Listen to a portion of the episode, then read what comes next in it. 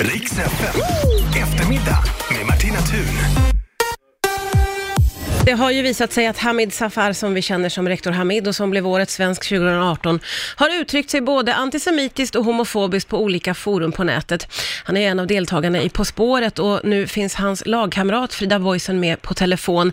Frida, nu har ju SVT bestämt sig för att era avsnitt ska inte sändas. Vad tänker du om det? Eh, Ja, det känns ju som helt rätt beslut, som det enda beslutet man kan fatta. Eh, förstås jättetråkigt, men, men helt rätt. Jag menar, jag skulle ju aldrig satt mig i den här buren med honom om jag hade vetat alla de här vidriga åsikterna som han har hävt ur sig på nätet under så många år. Det känns helt fruktansvärt och verkligen allt emot allt jag står för.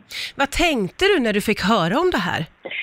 Jag blev helt bestört. Jag bara känner nu hur, hur nackhåren reser sig på mig när du ens ställer frågan. Alltså det, jag har eh, gråtit, jag har varit förbannad och jag är fortfarande jättearg och ledsen och förkrossad och rädd när jag tänker på allt det här hat som jag läser i de här kommentarerna. Det är liksom inga, inga små saker utan det är helt vidriga eh, åsikter. Eh, homofobiska, antisemitiska som du sa. Alltså det nej, usch, jag, är, jag är så förkrossad. Mm.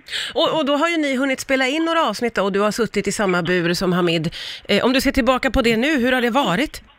Ja, alltså jag blev ju jättehedrad när jag fick frågan om att vara med På spåret. Jag tycker det är ett eh, härligt program som jag brukar se själv som ju går ut på faktiskt att sprida kunskap och, och vara folkbildande och det behöver vi ju uppenbarligen mer än någonsin. Eh, Så det känns förstås eh, tråkigt eh, att, att det nu inte blir något med det. Eh, Men eh, ja, eh, eh, jag hoppas att de ringer eh, nä- nästa år och att det får bli en, en, en eh, betydligt bättre matchning då. Jag känner ju inte honom sen, sen tidigare. Det, vi träffades ju där. Ja, ja just det.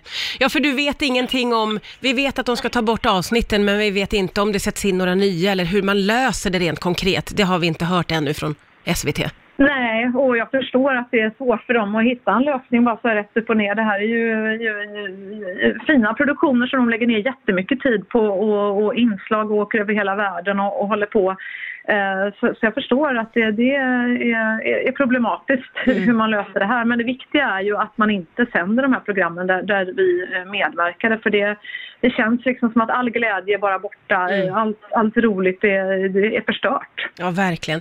Jag hoppas att du får chansen nästa år då, eh, Frida, och får uppleva den här fantastiska upplevelsen med På spåret med någon riktigt bra matchning också, önskar jag dig. Ja, titta, jag hoppas att du, skulle inte du kunna vara med? Jo, jag kan vara med igen. Jag har ju varit med innan, Ja, men jag, jag kommer direkt ur fråga, vet Ja, du. ja, du har. Ja, men du, du får föreslå det. Så man Ja. vet att det är en riktigt vettig person med sunda värderingar. Det vore underbart. Frida Boisen, tusen tack för att du tog dig tid här på Rix FM idag.